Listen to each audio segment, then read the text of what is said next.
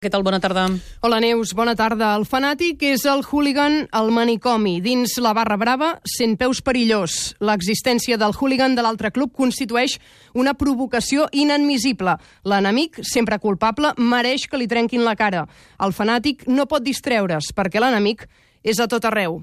Tot això, deia Eduardo Galeano al llibre El futbol a sol i sombra. És una descripció meravellosa del fanatisme que arrossega la passió per uns colors i que la final de la Copa Libertadores ha airejat amb espectacles lamentables i vergonyants ahir pels carrers en el context del River Boca que es va suspendre i que està previst per aquest vespre. Ahir ens van arribar escenes vergonyants i espectacles lamentables pels carrers quan passava l'autobús de Boca i també als voltants del Monumental. Pedres, pals, ampolles, vidres trencats, gasos gasos lacrimògens, pillatge... Ni la passió extrema per uns colors ni per un equip justifica les actituds com les que hem vist a l'Argentina, ni en el context futbolista ni en cap altre escenari.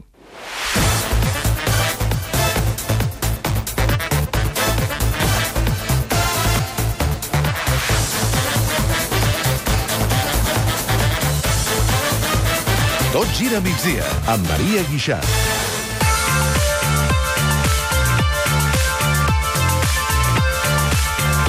Passa un minut de dos quarts de tres de la tarda. Avui hi ha duel català a Cornellà al Prat. De seguida en parlem, però abans, Montse Mir, bona tarda. Bona tarda. Tenim una última hora del Barça referent a dos jugadors. Dos lesionats. Sabem l'abast de la lesió de Sergi Roberto i, atenció, també ho està Rafinha. Una lesió important i inesperada, perquè ahir no el van substituir a l'Atlètic de Madrid 1, Barça 1. El jugador blaugrana, atenció, es perd la temporada. Té, segons el comunicat del Barça, un trencament del lligament creuat anterior del genoll esquerre i haurà de passar pel quiròfan. Ahir va notar molèsties després de rebre un cop quan feia pocs minuts que havia entrat al terreny de joc. I Rafinha es va provant, però atenció, eh, perdona, Carles, però és que va molt coix, molt. S'ha lesionat Rafinha? En aquesta Doncs topada, jo crec que... Esperem que sigui un cop, esperem que sigui un cop. Sí. És el cinquè corna, dius, eh, Carles? Correcte, 3 a la primera, el segon de la segona. Cinquè corna, favorable al Barça. Vinga, a veure si podem treure una mica de profit de, dels corners. Rafinha mira la banqueta, de moment aguanta, però no sé si aguantarà... Valverde estona. Va aguantar tot el partit, però avui, com dèiem, s'ha sabut que té una lesió important, aquest trencament del lligament creuat anterior del genoll esquerre. És la segona lesió d'aquest tipus que pateix Rafinha. Fa 3 anys, al setembre del 2015, es va trencar també els lligaments, però del genoll dret, de l'altre, després de rebre una entrada de Nengolan en un Roma-Barça de la fase de grup de la Lliga de Campions. I pel que fa a Sergi Roberto, el club, el club ha confirmat que té una ruptura del semi membranós de la cama esquerra i que estarà entre 3 i 4 setmanes de baixa. De seguida recuperem tota aquesta informació que ens explica la Montse. També fem ressaca de l'Atlètic de Madrid-Barça d'ahir. També parlem d'aquest Espanyol-Girona de la tarda, però abans també tenim dos marcadors definitius. A la Lliga CB de bàsquet s'ha acabat ja el Manresa-Breogán, que ha seguit l'Ernest Macià. Bona tarda. Bona tarda, Maria. Victòria del Manresa, 72 a 63. Un partit que ha costat molt, però d'ençà del descans el Manresa ha recuperat la capacitat anotadora i atenció perquè guanyant el segon partit a casa el Manresa situa amb un balanç positiu de 6 a 4, 6 victòries, 4 derrotes i es consolida en places de Copa. D'aquí una estona t'amplio més informació des dels vestidors, però evidentment és una situació nova eh, que no es donava des de fa 15 anys. Gràcies, Ernest. Bones notícies des de Manresa i també tenim un marcador ja definitiu a primera. Atlètic Club 1, Getafe 1, els madrilenys 17ens amb els mateixos punts que el Girona i els bascos són l'equip que marca el descens amb 11 punts. Parlem de l'actualitat de la jornada, d'aquesta clau catalana que avui hi haurà a Cornellà al Prat. Parlem de l'Espanyol Girona.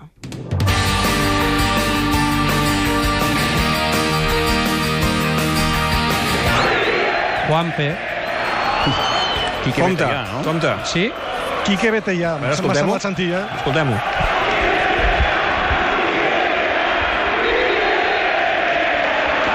No és la primera vegada, sí. eh? De quin sector ve, això? De, de la curva, jo diria. Amb gairebé un any, l'Espanyol ha canviat radicalment, ha canviat com un mitjó. Fa gairebé un any d'aquell Espanyol Girona de Cornellà on sentíem aquests crits a la grada. Sergi Andreu, bona tarda. Què tal, Maria? Bona tarda. Podríem dir que, que s'ha passat d'aquell desencís de Quique a la il·lusió de Rubi. I en aquella jornada es mirava de reull el descens. A 4 punts va quedar l'Espanyol després d'aquella der- derrota d'ara fa un any davant dels gironins. Ara la història és absolutament diferent perquè en cas de victòria avui es perllongaria una ratxa fantàstica a casa de 6 victòries en 6 partits. L'Espanyol quedaria amb 24 punts en zona de Champions, en el pitjor dels casos a dos punts del líder, que ho podria ser el Sevilla, i en una situació a les portes de Nadal doncs, eh, més que favorable, eh, difícilment somiada a principis de temporada, a més a més amb l'equip molt solvent defensivament a casa, amb un Borja Iglesias en ratxa i en capacitat per encara perllongar eh, encara més el seu bagatge golejador. Sergi, avui per quin 11 pot apostar Rubi? Per quin sistema tàctic? Doncs mira, eh, hi ha una incògnita, eh? perquè eh, el Girona juga amb tres centrals i dos carrils llargs, igual que ho jugava, que hi jugava el Sevilla fa 15 dies en l'últim partit que va jugar l'Espanyol, el Pizjuán.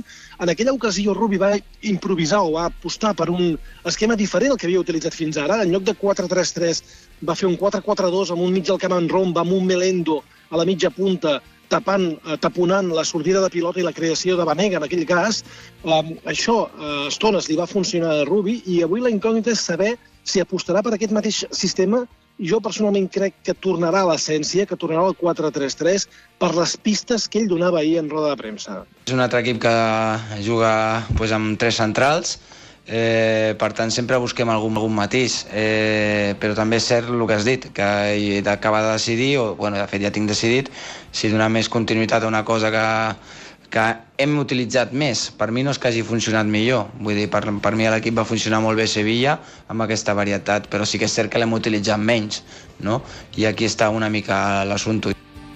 I l'altra qüestió és saber si Rosales repetirà lateral dret o jugarà Javi López, que és, de fet, qui ha jugat en aquesta posició en més ocasions. Mm. Um, al marge de la qüestió purament esportiva, Sergi, que, que sortirem de dubtes, òbviament, a dos quarts de set, uh, avui també serà un partit especial per diferents qüestions, podríem dir, d'un àmbit més extraesportiu. Sí, a veure, hi ha diferents eh, qüestions. Per exemple, eh, l'Espanyol, l'estadi avui estrena llums, estrena il·luminació, 388 unitats de projectors LEDs que han costat al club 1,2 milions d'euros i eh, per demostrar-ho, per exhibir-ho davant de l'afició, en els instants previs al partit es farà un, tot un espectacle, tot un show lumínic eh, que es preveu bastant espectacular.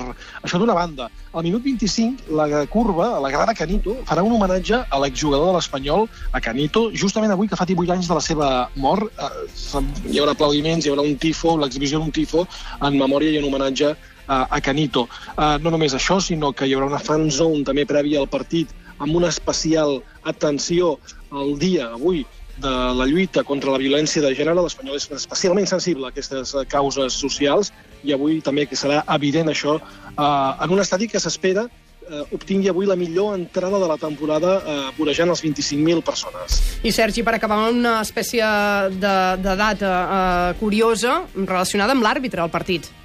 Sí, Antonio José Hernández Fernández, que és canari, té 36 anys, set temporades a primera divisió, compta, és l'autèntica bèstia negra d'aquest espanyol perquè l'ha xiulat 10 cops en 10 partits i no n'ha guanyat ni un.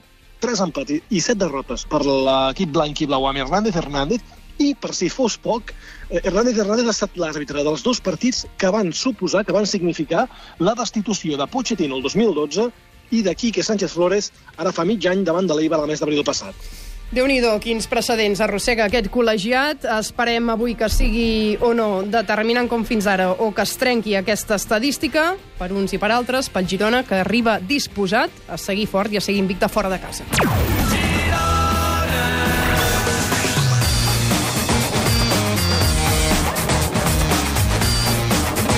El Girona, que no ha perdut cap partit fora de casa aquest any, i avui Eduard Solà, bona tarda. Bona tarda. Seria un pas de gegant a la victòria, perquè efectes pràctics Europa seria tocar, també hi ha aquesta espècie d'efecte de, morbo, perquè si l'equip guanya, els Eusebio empatarien a punts a la classificació amb el Madrid. Sí, perquè actualment el Girona té 17 punts, en té 20 al Madrid. El Girona és l'únic equip de primera divisió que encara no ha perdut cap partit fora de casa, i en els 5 partits que ha jugat com a visitant compta amb els números. Dues victòries a Villarreal i València, dos camps complicats, i tres empats al Camp Nou, a Osca i a Noeta. A més, en, aquests, en tres d'aquests cinc partits ha deixat la porteria zero i només han encaixat tres gols en aquests cinc desplaçaments, en dos gols en el mateix partit al camp del Barça. A més, la ratxa fora de casa s'allarga fins a la temporada anterior. L'últim partit que el Girona va perdre fora va ser el 8 d'abril a Sant Sebastià per 5 a 0. Després, 8 partits a fora, 4 victòries, 4 empats. Bons números de l'Espanyol a casa i bons números del Girona a fora. L'objectiu d'Eusebio, diu, és mantenir aquesta ratxa. Nos enfrentamos a, a un rival en una buena dinámica, en un buen, con un buen estado anímico, con una eh, propuesta, ya te digo, atrevida. Eh, pero como siempre, nosotros tenemos que confiar en lo nuestro, en nuestras virtudes, que son muchas y muy buenas. Eh, creo que nos están dando también muy buenos resultados.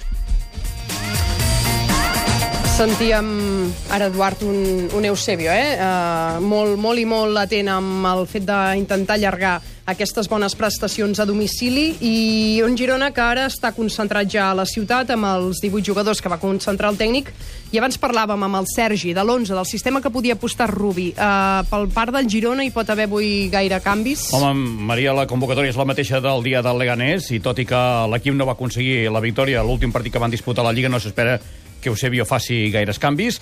El dia del Leganés, Juanpe acabava de sortir d'una lesió i podria ser que avui tornés a l'equip. De fet, crec que és l'única opció que hi hagi el canvi. A hores d'ara sembla més difícil que torni Granell, que fa quatre partits que no és titular i que ha passat una lesió. Com que Estuani s'ha acabat recuperant de les molèsties que tenia l'adductor, continuarà de titular. Bono i el Chocolozano són els jugadors que han disputat partits internacionals i en el cas de l'hondureny només ha fet dos entrenaments amb l'equip. Els 18 convocats per Eusebio estan concentrats, com deies, Maria, a hores d'ara, en un hotel a prop de Cornellà Prat. A dos quarts de set, aquest partit entre l'Espanyol i el Girona, i ara és moment de posar el focus en un dels noms propis d'aquest cap de setmana, Ousmane Dembélé. L'últim minut, la té Messi, la llarga, atenció, la pilota per Dembélé, retalla, xuta,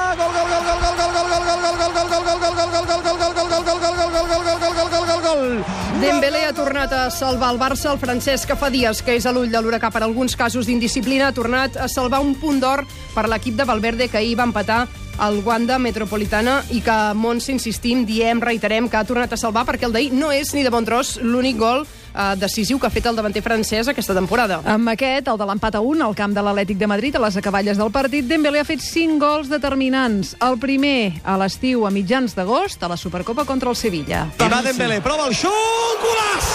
Golaç, golaç, golaç, golaç, golaç, golaç! Dembélé acaba de fer un golaç! Dembélé acaba de fer un golaç que fa embogir el gran estall de Tànger, que des de feia estona deia, aquest és el nostre nano, aquest és el nostre heroi. És el 2 a 1 pel Barça. Uns minuts després, Marc-André Ter Stegen atura un penal i el Barça guanya el títol, la Supercopa Espanyola. L'encert de Dembélé continua la segona jornada de Lliga. També és titular i marca un gol que desencalla l'equip en un partit complicat i amb la gespa en mal estat a Valladolid. Dona gol, dona gol, el gol puja al marcador, ha marcat Dembélé. Després d'aquest impàs, d'aquests moments de suspens, d'aquests segons, el Barça confirma el gol. De fet, ho fa no el Barça, sinó ho fa el Par. I, per tant, la pilota... És el 25 d'agost i el Barça, amb aquest gol de Dembélé, guanya per 0-1 al Nuevo Zorrilla. Tres setmanes després, a Noeta, continua l'11 inicial i torna a marcar. Corna favorable al Barça, el pica Messi, el pica en llarg cap al segon pal, surt Rulli amb el puny, no ho fa gaire bé, pilota per Dembélé, xuta, gol!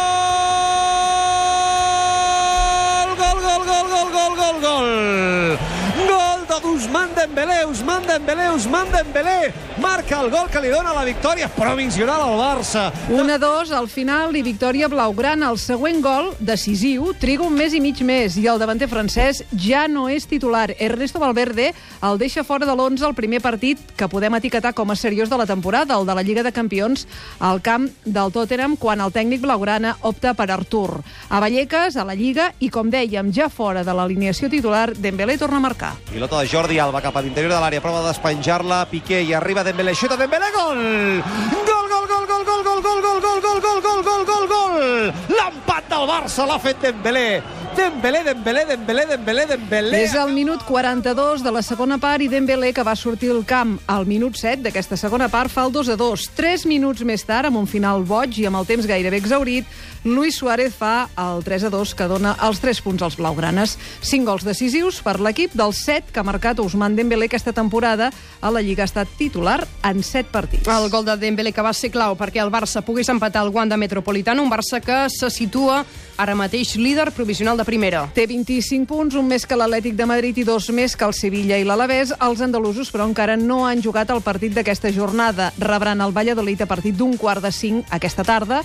Per tant, una victòria del Sevilla el situaria líder amb 26 punts, un més que el Barça. Amb aquesta ressaca, aquesta mala sensació de les lesions que ja ens has explicat, Montse, tant de Rafinha amb afectació als creuats, haurà de passar pel quiròfan, com la lesió muscular de Sergi Roberto a l'isquiotibial de la cama, el Barça ja canvia de xip perquè torna a la Champions. Dimecres a Eindhoven contra el PSV, l'equip holandès va jugar també ahir, va guanyar per 3 a 0 al Herenveen i lidera la Lliga amb 5 punts més que l'Ajax. El Barça tornarà a entrenar-se demà per preparar ja aquest desplaçament. Són tres quarts de tres de la tarda, avui a segona divisió, només juga el Reus. Els del Baix Camp juguen al camp de l'Oviedo a partir de les 6 de la tarda. Seguirem aquest partit amb el Xavi Palau. Xavi, bona tarda. Què tal, Maria? Bona tarda. És un partit que arriba en una situació delicada esportivament per l'equip del Baix Camp, perquè és en zona de descens, però sobretot convulsa mm, a l'aspecte institucional. Doncs segurament és el pitjor moment del Reus des que és equip de segona divisió A, des de que va trepitjar el futbol professional fa dues temporades i mitja. Situació institucional molt greu, amb un club que vol vendre el seu màxim accionista, que és Joan Oliver. Aquest cap de setmana pot ser definitiu. Segons sembla, hi ha un grup inversor que estaria interessat en adquirir aquesta part de l'ampliació de capital. I pel que fa a la vessant esportiva, doncs situació també d'angoixa. El Reus, que fa quatre jornades que no guanya, que ocupa ara mateix zona de descens i que s'enfronta davant un Oviedo que en els cinc últims partits a casa, els 15 punts disputats, només ha cedit 4 per tant, que la seva fortalesa dels asturians la basa pràcticament en els seus partits que juga a casa. La part positiva del partit, doncs, que Xavi Bartolo, el tècnic de l'equip roginegre, podria fer servir un 11 de jugadors totalment del primer equip. Ja va passar fa una setmana contra l'Extremadura, tot i que el resultat va ser negatiu amb la victòria dels extremenys, però Bartolo que podia fer servir tots aquests jugadors del primer equip. Només hi ha David Querol, ara mateix, en baixa per lesió. La resta estan a disposició del tècnic. Un Reus que necessita, com abans millor, reaccionar i aquest seria un bon estadi, un bon camp, un camp històric per començar a ressorgir d'aquesta zona baixa de la classificació. Aquest partit, doncs, que és a les 6 de la tarda i avui també la Copa Femenina hi ha derbi. D'aquí a poqueta estona, a partir de les 3 de la tarda, al Mini. Barça i Espanyol s'enfronten per una plaça quarts de final de la competició del CAU. El partit el seguirà el Roger Bossà, que ja el tenim a lloc. Roger, bona tarda. Què tal, Maria? Bona tarda. Canvi de format d'aquesta competició, amb eliminatòria que és de partit únic i, per tant, un partit el d'avui que es converteix a caixa o faixa, o les blaugranes o les blanquiblaves seran a quarts de final. Qui és el favorit amb aquest context, amb aquests condicionants? Doncs eh, clarament el Barça. Eh, és veritat que avui s'estrena aquest nou format amb aquest eh, partit únic. Fins ara era a doble partit. A més, hi participen ara, eh, a partir d'aquest any, tots els equips de la Lliga, els 16 equips, i el Barça és el clar favorit. De fet, defensa el títol, ha guanyat les dues últimes copes, eh, és el favorit perquè eh, té més eh, nivell i així ho demostra la classificació. Segona a la Lliga, 13 punts per sobre de les eh, blanquiblaves i podem dir que arriba en el seu millor moment. Dues victòries molt importants de la Lliga consecutives contra l'Atlètic de Madrid i també contra la Reial Societat, dos rivals complicades, tot i que l'Espanyol també arriba en el seu millor moment, perquè eh, també ha encadenat dues victòries consecutives, ara bé, les blanquiblaves són novenes a la classificació, el Barça, però, parteix com a principal favorit en aquesta eliminatòria. Si guanya, accedirà a quarts al sorteig el dia 13 de desembre. Gràcies, Roger. Falten 11 minuts per les 3 de la tarda. Mirem cap a l'Argentina.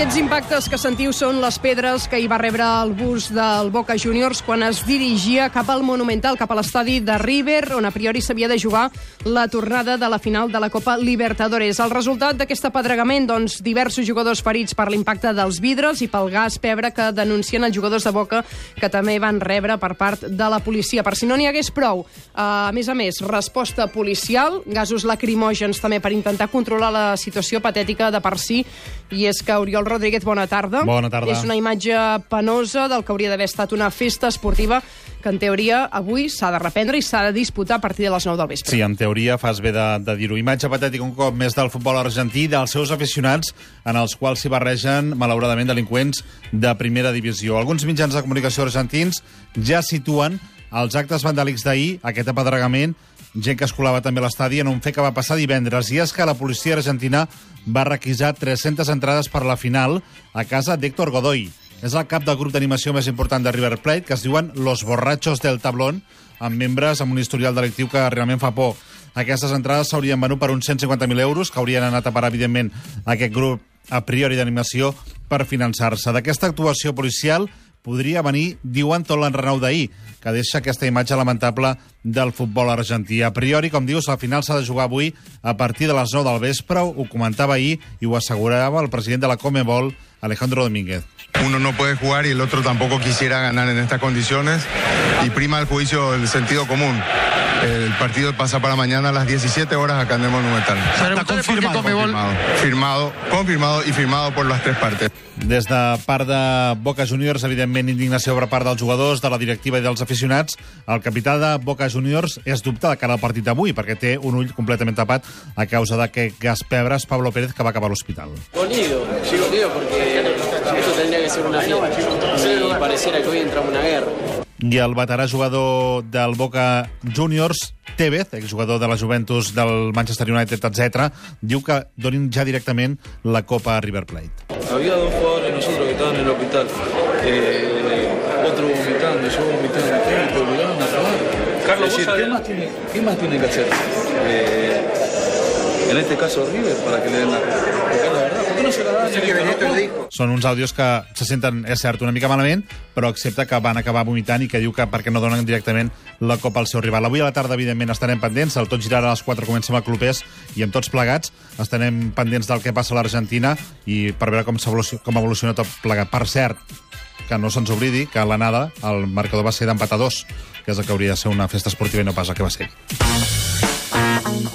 Tot gira migdia, amb Maria Guixà.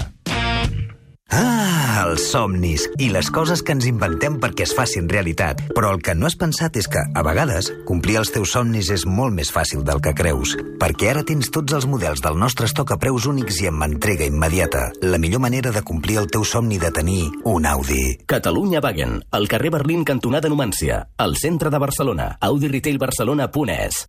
Fiat torna a Esplugues amb Fiat Central Retail i amb ofertes increïbles. Celebra amb nosaltres el Black Friday del 17 al 30 de novembre.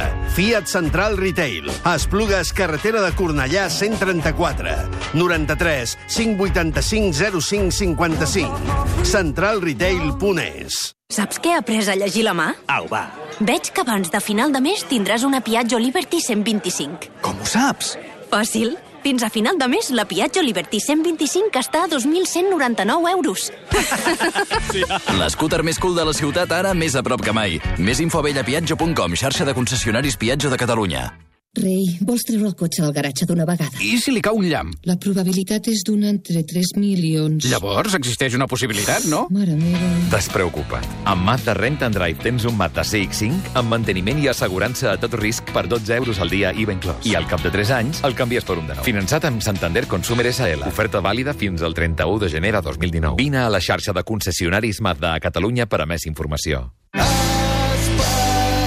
Apunta tu, Espanyol Girona. No et perdis el derbi català diumenge 25. La passió i el bon futbol t'estan esperant a l'RCD Stadium. Vine i viu una experiència inoblidable. Compra la teva entrada a partir de 30 euros al web rcdespanyol.com. Diumenge 25 a les 18.30 t'hi esperem.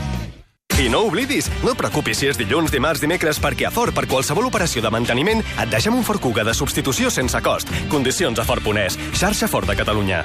Dicen que los vuelos es mejor comprarlos un jueves de madrugada, que el día para el pescado es el martes, ¡Fresco, fresco! que la mejor fila en el cine es la número 12. Y para estrenar coche, este es el momento. Descubre los descuentos exclusivos de unidades limitadas en stock en toda la gama SEAT. Fins a final de mes a Baix Motor, el teu concessionari oficial SEAT a Sant Boi i Molins de Rei. Per Cap d'Any, qui res no estrena, res no val. Per això, a Sarsa Volkswagen, fins a final d'any trobaràs el teu Volkswagen al millor preu del mercat. No esperis més. Només fins a final d'any, preus imbatibles.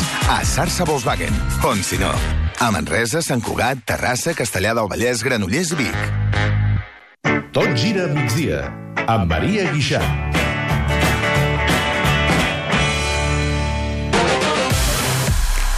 Sis minuts per les 3. Avui hi ha clàssica al Palau. Primer Barça-Madrid de la temporada per calibrar forces en una jornada CB que, Xevi Soler, bona tarda. Bona tarda. Ha quedat deslluïda perquè finalment no es podrà fer l'acte de retirada de la samarreta de Juan Carlos Navarro. Sí, com dius, i a més per un motiu de força major. Aquesta matinada mort al parc de Navarro, lògicament, s'ha ajornat aquest homenatge, aquesta retirada de samarreta, de moment sense data. Per tant, tota la motivitat d'abans del partit queda ajornada, però el partit no perd ni una mica d'emoció. Són els dos colíders de la CB, amb només una derrota, però, esportivament parlant, el Barça surt amb un avantatge. L'avantatge que et dona tenir tota la plantilla disponible i, en canvi, el Madrid ha viatjat a Catalunya sense la seva gran estrella, Sergio Llull, que s'uneix a les baixes de Thompkins i Kuzmich i al dubte de l'estat físic de Gustavo Ayón. L'objectiu del Barça és, evidentment, guanyar i ser líder en solitari, però un altre objectiu, col·lateral, omplir el Palau Blaugrana. Jo crec que totes les victòries són importants perquè el Palau al final doncs, respongui. No només el dia del Madrid, que al final és fàcil venir un dia com el del Madrid,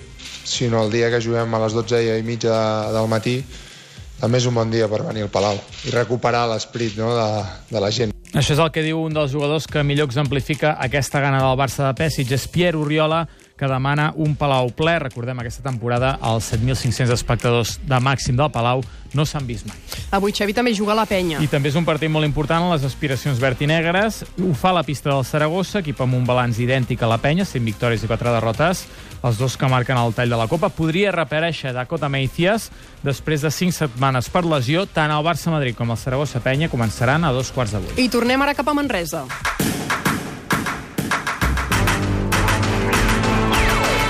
Perquè a la tarda tenim aquest Barça i aquesta penya, però el que ha jugat, i ens ho ha explicat l'Ernest Macià a inici de programa, és el Baxi Manresa. S'ha imposat el Breugan per 72 a 63 i encara hi tenim l'Ernest Macià a les entranyes del nou Congost, a vestidors, amb protagonista Ernest. Doncs sí, Maria, sóc el vestidor del Baxi Manresa, un equip que després del partit d'avui ja podem dir que està consolidat en places de Copa, però jo no sé si als jugadors els hi agradarà gaire sentir-ho.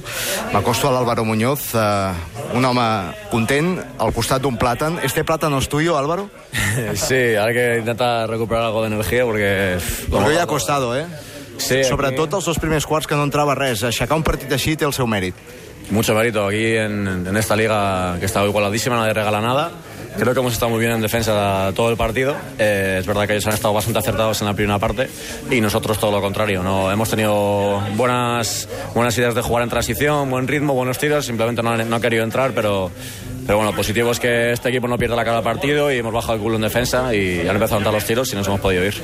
És una casualitat estadística que costi tant guanyar a casa i tan poc a fora? Bueno, lo de que cuesta tampoco creo que lo dices tú, porque a nosotros nos cuestan todos los partidos. Bueno, habéis ganado más fuera que en casa, ¿eh? Sí, eso sí, también es verdad que hemos tenido a Barça, Málaga y partidos complicados. Eh, creo que ahora- hasta ahora el único partido que, que hemos perdido es el de la Peña, que era un poco el más ganable. Eh, los demás hemos hecho un buen trabajo. Es verdad que no estamos teniendo ese acierto igual que estamos teniendo fuera de casa, pero bueno, yo creo que hay que seguir con, con el trabajo defensivo y esa confianza de que al final los tiros van a entrar y, y bueno, contentos por sumar una victoria. ¿No sentís ninguna presión o presentimiento o algo de Copa? No, creo que no presión no tenemos Os ninguna. estáis metiendo dentro así, ¿eh? Con la tontería, ¿no? bueno, bueno, yo creo que lo positivo de, de este grupo es que no estamos pensando en la Copa, sino en ganar todo. En cada partido es uno distinto. Ahora vamos a Fuenlabrada, tenemos unos días para recuperar y para, para mejorar algunas cosillas, pero yo creo que nuestra mentalidad no es de ir a la Copa, sino de seguir mejorando y que luego ya el, el trabajo nuestro nos ponga donde tenemos que estar. Felicidades, Álvaro. Muchas gracias. Recte final del Tot Gira a migdia, un minut i mig per les 3. Avui s'acomiada un mite. La xarxa Fort de Catalunya t'ofereix aquest espai. Avui Fernando Alonso s'acomiada de la Fórmula 1 després de 18 anys. És un personatge oriol de matisos, estimat per molts, també odiat per alguns altres, i és que Alonso ha conviscut durant gairebé dues dècades pel gran circ de la Fórmula 1 i avui els Emirats posa punt final. Sí, de fet està competint ara mateix, es desea la cursa que encapçala Ricciardo, volta 24 a 55, i alerta perquè diuen que pot ploure els propers minuts a Abu Dhabi, al desert. Per tant, veurem què passa en aquesta cursa d'un personatge que ha guanyat dos títols, 2005 i 2006. Mira, ara està plovent a Abu Dhabi, està plovent al desert en aquesta darrera cursa de, de la temporada. Doncs un personatge molt controvertit, amb dos títols, 2005-2006, 2007 un pas per McLaren i aquesta carrera per Ferrari que no li va servir per plantar cara a l'escuderia Red Bull. Després, amb el Clubés, a partir de la tarda a les 4, farem un extensiu resum de, de la seva carrera esportiva. Després de superar el divendres, el divendres, el divendres i el divendres, per fi és divendres. El dia perfecte per descobrir la gamma crossover i sub de fora amb motor EcoBoost i escapar de la rutina. Aquest mes és com si cada dia fos Black Friday. Aprofita el Blue Friday de Ford. Novembre sensiva en vehicles en estoc i en operacions de taller. Finançant amb FCE Bank fins a final de mes. Condicions a Ford.es. Xarxa Ford de Catalunya.